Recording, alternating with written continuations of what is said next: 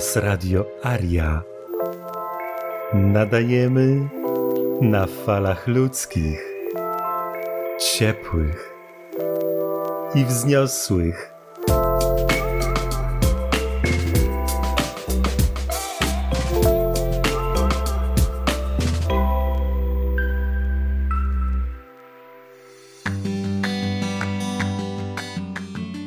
Gawędy, gawędy, gawędy, gawędy, życiem pisane.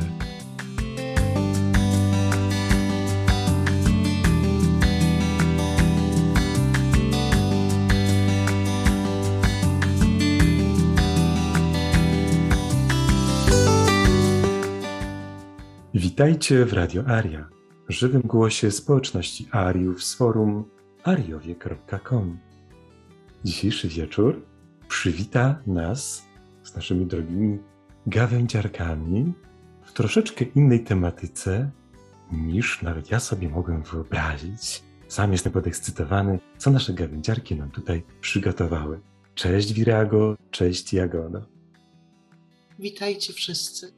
Miło się z Wami spotkać tego wieczoru. I mam nadzieję, że posłuchacie razem z nami tego, co będziemy tutaj nawijać. Tylko uprzedzam z góry, to są w głównej mierze moje przypuszczenia. Taka układanka z pewnych puzli, z wiadomości z różnych stron. I nie bierzcie tego jako prawdy objawionej, tylko jako coś, co może być albo mogło kiedyś być, i są przesłanki, tak jak w śledztwie poszlakowym, że prawdopodobnie tak było. Witajcie wszyscy na dzisiejszych pogawędkach. Sama jestem też ciekawa, co z tego wszystkiego wyniknie. Także Jagodo, zaczynamy, tak? O czym chciałaś mówić dzisiaj? Ale zanim, to chciałem tylko zaznaczyć i nadmienić, że faktycznie właśnie tym Jagodo charakteryzują się legendy i gawędy. Nieprawdaż? Zaczynajcie.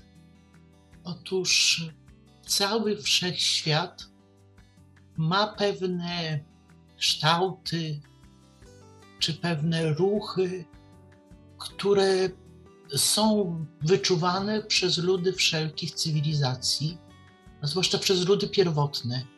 Jedną z takich form jest okrąg. Krople wody są okrągłe, pnie drzew, ich korony w dużej mierze, horyzont wokół nas, słońce i księżyc, które widzimy, jest okrągłe, nasza Ziemia jest okrągła, porusza się po okręgu, księżyc koło Ziemi. W zasadzie to nie jest y, dokładnie okrąg, tylko spirala, ponieważ Ziemia porusza się wokół Słońca i razem ze Słońcem pędzi przez galaktykę, i to wszystko porusza się po okręgu wokół centrum galaktyki, więc okrąg, spirala, coś zbliżone do okręgu, bo często to są owale. Wszystkie ciała niebieskie krążą po takich torach, trajektoriach. To jest jeden ze świętych form, i tak samo rok cały z powtarzalnością sezonów jest takim ruchem po spirali, bo po jednej wiośnie, po jakimś czasie przychodzi następna wiosna, czyli niby to samo, ale to już nie jest to samo, bo to jest dalej na tej spirali dziejów. Drugim takim, taką formą, takim ruchem jest rytm oddechu, albo jak inni wolą, pulsacja serca. Czyli coś się rozszerza, a później się z powrotem zmniejsza i znowu się rozszerza i znowu się zmniejsza. To też widać wszędzie w przyrodzie. Na przykład wszystkie substancje pod wpływem ciepła rozszerzają się lub kurczą. Mój stawek, który jest na wiosnę pełen wody, latem się kurczy i później na jesieni znowu rozszerza. Nasze oddechy, oczywiście, nasze bicie serca, a nawet w Indiach twierdzą, że cały wszechświat podlega temu ruchowi. Nazywają to oddechem Brahmy, że wszechświat w pewnym momencie jakby eksploduje i to jest wydech, rozszerza się do pewnego momentu, potem kurczy się z powrotem to jest wdech, aż zniknie i później następuje następny oddech, czyli byłoby multum kreacji wszechświata na nowo. To jest to, co uczeni mogą nazywać wielkim wybuchem. I w naszym życiu duchowym zachodzą podobne sprawy. Powracają do nas pewne rzeczy po spirali, które musimy przepracować, później musimy przepracować na innym poziomie, to Wiraga o tym przepięknie wie, a później jeszcze na innym. I jest ten czas, kiedy nasza jakby osobowość, nasza aktywność, nasza aura rozszerza się, wychodzi na zewnątrz, eksploduje jakby, to jest wiosna i lato, i potem ona się zwija. I zwija się aż do tego punktu kulminacyjnego teraz, kiedy słońca ubywa już bardzo, bardzo, bardzo, i jest tak, że wielu ludzi wpada w coś w rodzaju hibernacji, takiego powolnego rytmu. I zobaczcie, jak nieludzki jest ten świat, który zmusza nas do takiej samej aktywności. Wtedy, kiedy nasz organizm ma te podwyższone drgania, tę te, aktywność rozszerzania się, i wtedy, kiedy organizm potrzebuje ogromnej ciszy, spokoju, dużo snu i medytacji, tak jak jest obecnie w tym okresie, który nazywa się po chrześcijańsku Adwentem, i z braku innej nazwy, ja będę to tak nazywać, prawdopodobnie nasi przodkowie mogli nazywać to inaczej. I jest to czas, kiedy odczuwamy potrzebę wejścia w siebie. Jest taki bardzo piękny obrazek, który kiedyś widziałam i który mnie uderzył. Ziemia przykryta śniegiem, drzewo, a pod korzeniami drzewa przytulne, ciepłe jamki, w których sobie śpią albo czuwają różne zwierzaczki, tam jakieś dziecko, nie wiem, dziewczynka czy chłopczyk, które sobie czyta przytulone do kota i pieska to jest właśnie takie coś. Wchodzimy do korzeni, wchodzimy do podziemia i właśnie to podziemie jest bardzo ważne. Teraz przejdźmy tak jakby do innych sytuacji, kiedy ludzie wchodzili do podziemia.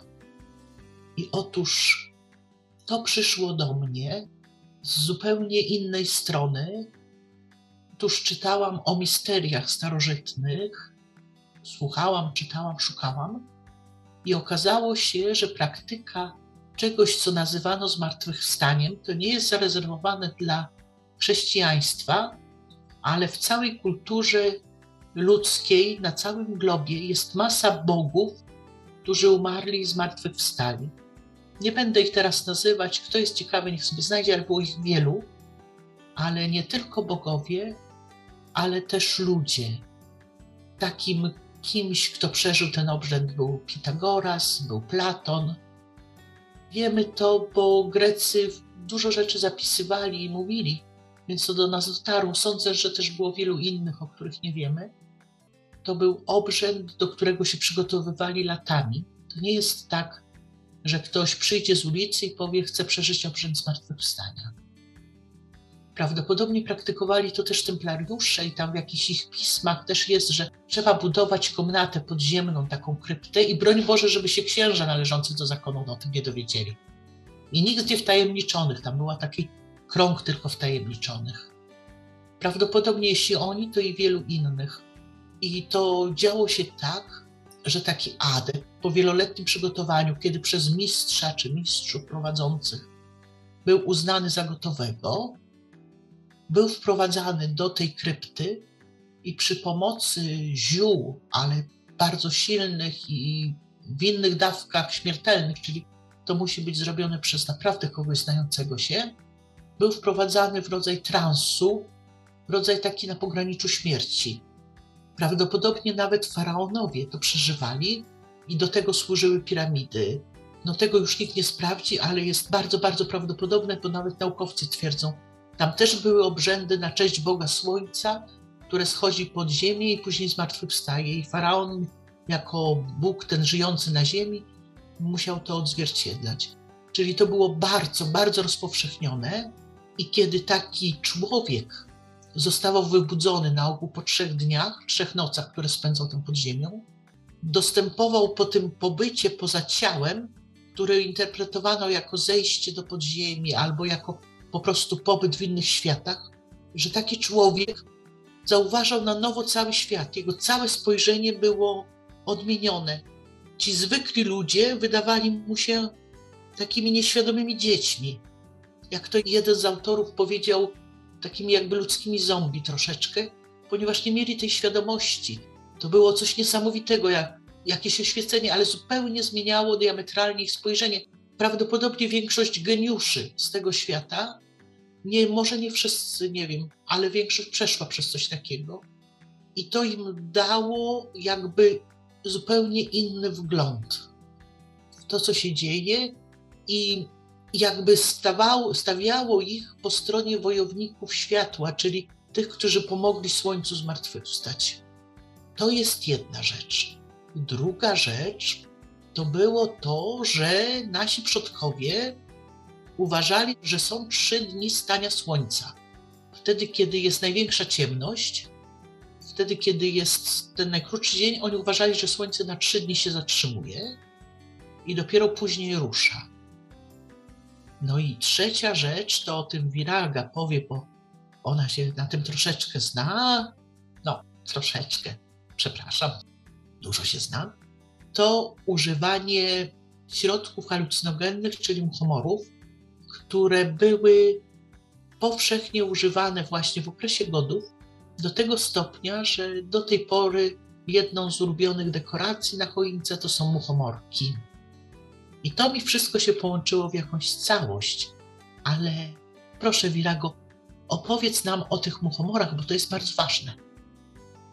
No, zaskoczyłaś mnie, bo ja fachowcem od muchomorów nie jestem, ale faktycznie czas zbioru muchomorów, potem ich suszenie, czyli danie im czasu na to, żeby zaszły w nich przemiany substancji, które potencjalnie mogą być trujące, w substancje halucynogenne.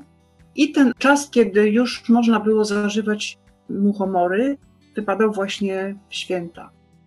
I tutaj, tak jak zauważyłaś, ozdoby na choinkach, które naśladują kształt muchomorów, kolor muchomorów, a także no, troszeczkę jeszcze innych rzeczy, jak na przykład ubiór świętego Mikołaja, który teraz się nazywa świętym Mikołajem, kiedyś był zwany Gwiazdorem, Chciałam jeszcze tam wrócić do tego momentu, kiedy mówiłaś o tych cyklach wszystkich. Ja bez przerwy się na przykład mylę i jak jest zima, to mówię, że to jest noc. Potem przychodzi poranek, czyli wiosna, potem przychodzi dzień, czyli lato i jesienią to jest wieczór. Dla mnie to zawsze się tak kojarzyło i czasami się mogę pomylić i powiedzieć, że zamiast jest zima, to że, że jest noc. Czyli to są takie cykle, tak jak w ciągu dnia, prawda? To jest kiedy człowiek Rano się budzi, kiedy wstaje słońce, potem jest dzień, potem jest noc, tak samo pory roku zupełnie naśladują to wszystko. Tak, wracając do, do muchomorów, bardzo ciekawą rzeczą jest to, że je używały wszystkie ludy północy i podejrzewa się nawet, że ta słynna soma to jest jakiś preparat właśnie zrobiony z muchomorów. Oczywiście nikt nie jest tego pewien na 100%, ale takie są podejrzenia, że to jest właśnie owa słynna soma. Teraz akurat jest bardzo duże zainteresowanie muchomorami jako środkiem, który przenosi w inną rzeczywistość i pomaga w jakiś sposób dojść do ładu ze sobą.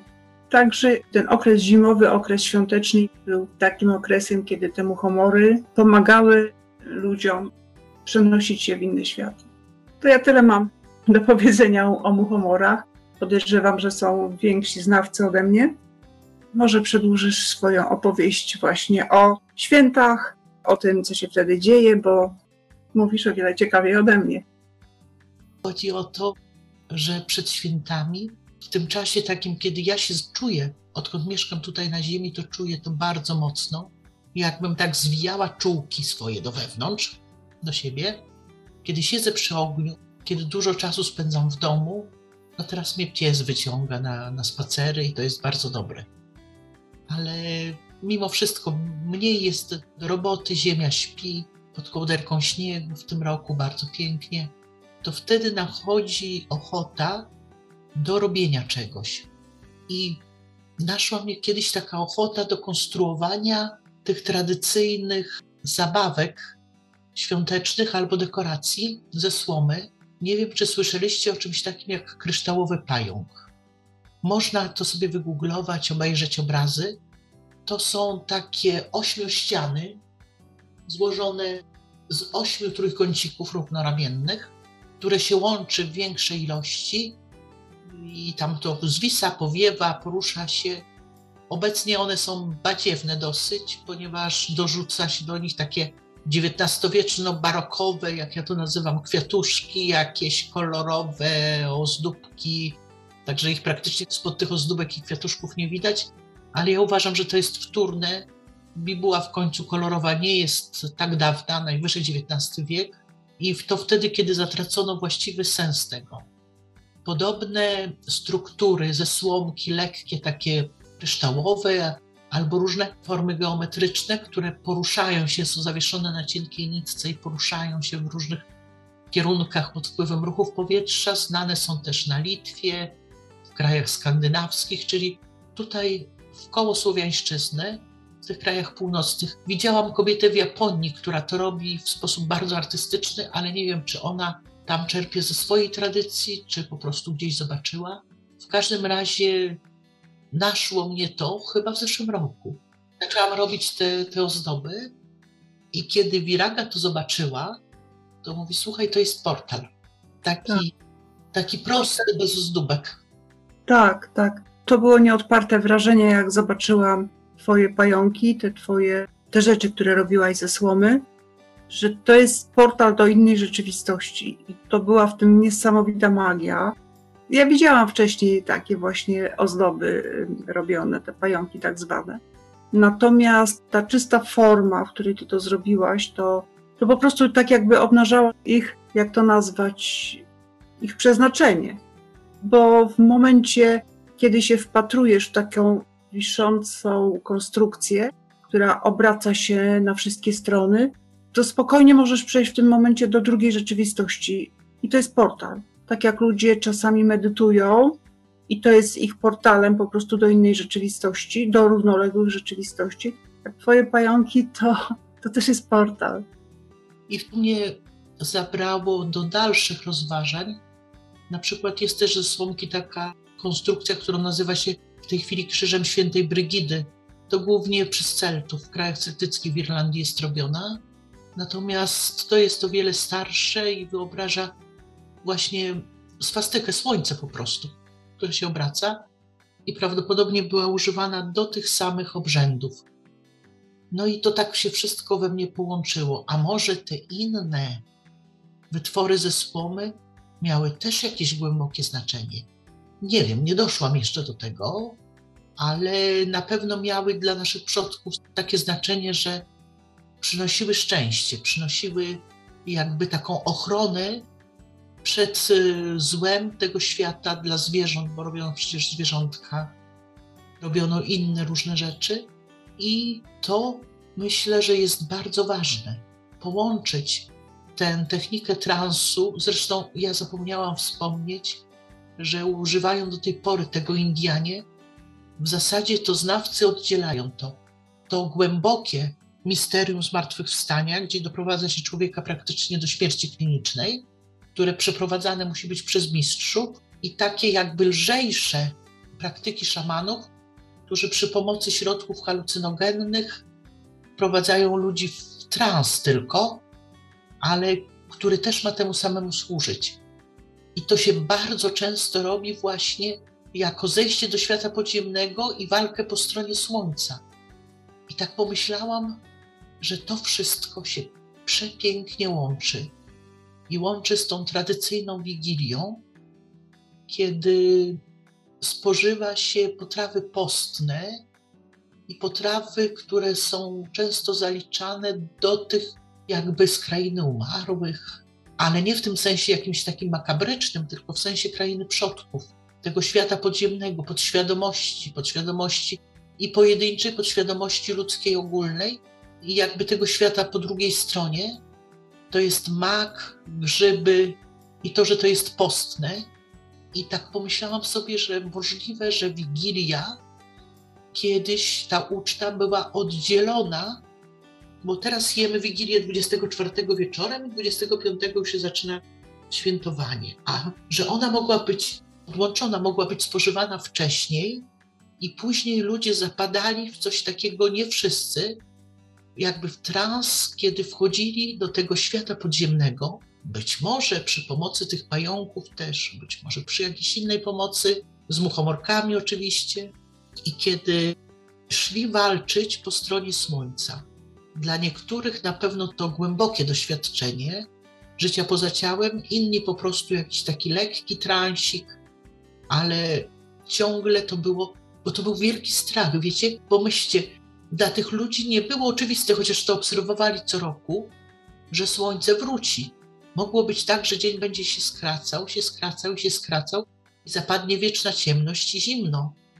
To podświadomie jest możliwe, jeśli nie na planie fizycznym, to na planie takim duchowym, że zapadnie wieczna ciemność i zimno. Więc wybrani wojownicy szli jakby pomóc temu światłu, tej jego walce z ciemnościami i przeżywali to doświadczenie bycia poza ciałem. I żeby im pomóc, przynoszono wszelkie odznaki życia do domu, czyli właśnie te zielone gałęzie drzew iglastych, dekorowano je, zapalano światła.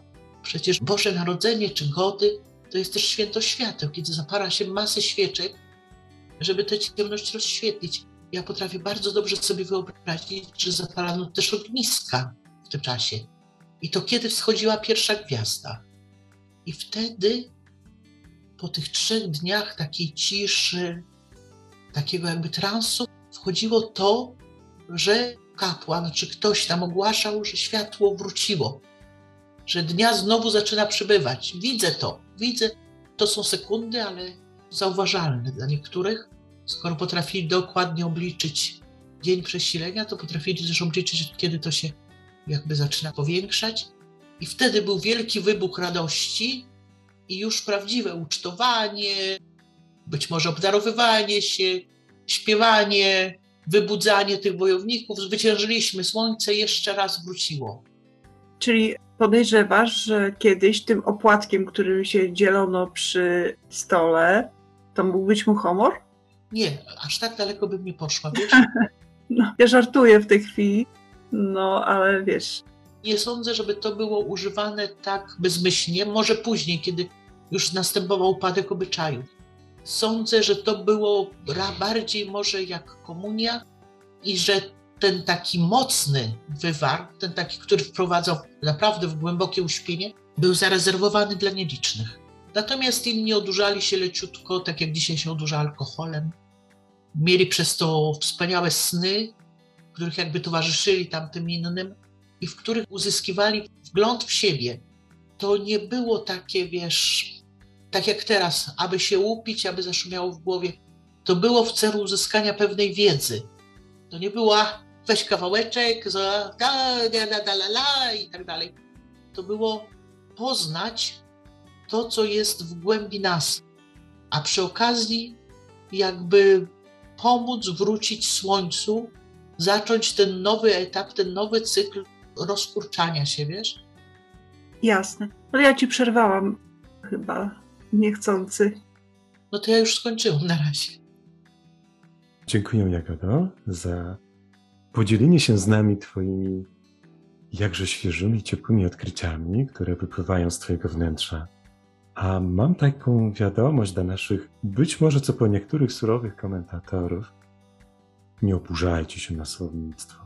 Wszyscy dobrze wiecie i my wiemy, że wiecie, że właśnie chodzi o to przesilenie zimowe, chodzi o święto Szczodrych Godów i o kilka ceremonii, które poprzedzały, jak i trwały po. Dziękuję pięknie, Jagodo. Dziękuję pięknie, Virago. Dziękuję wszystkim za wysłuchanie.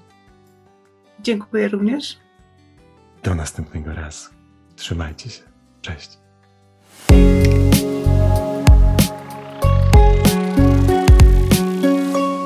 Radio Aria.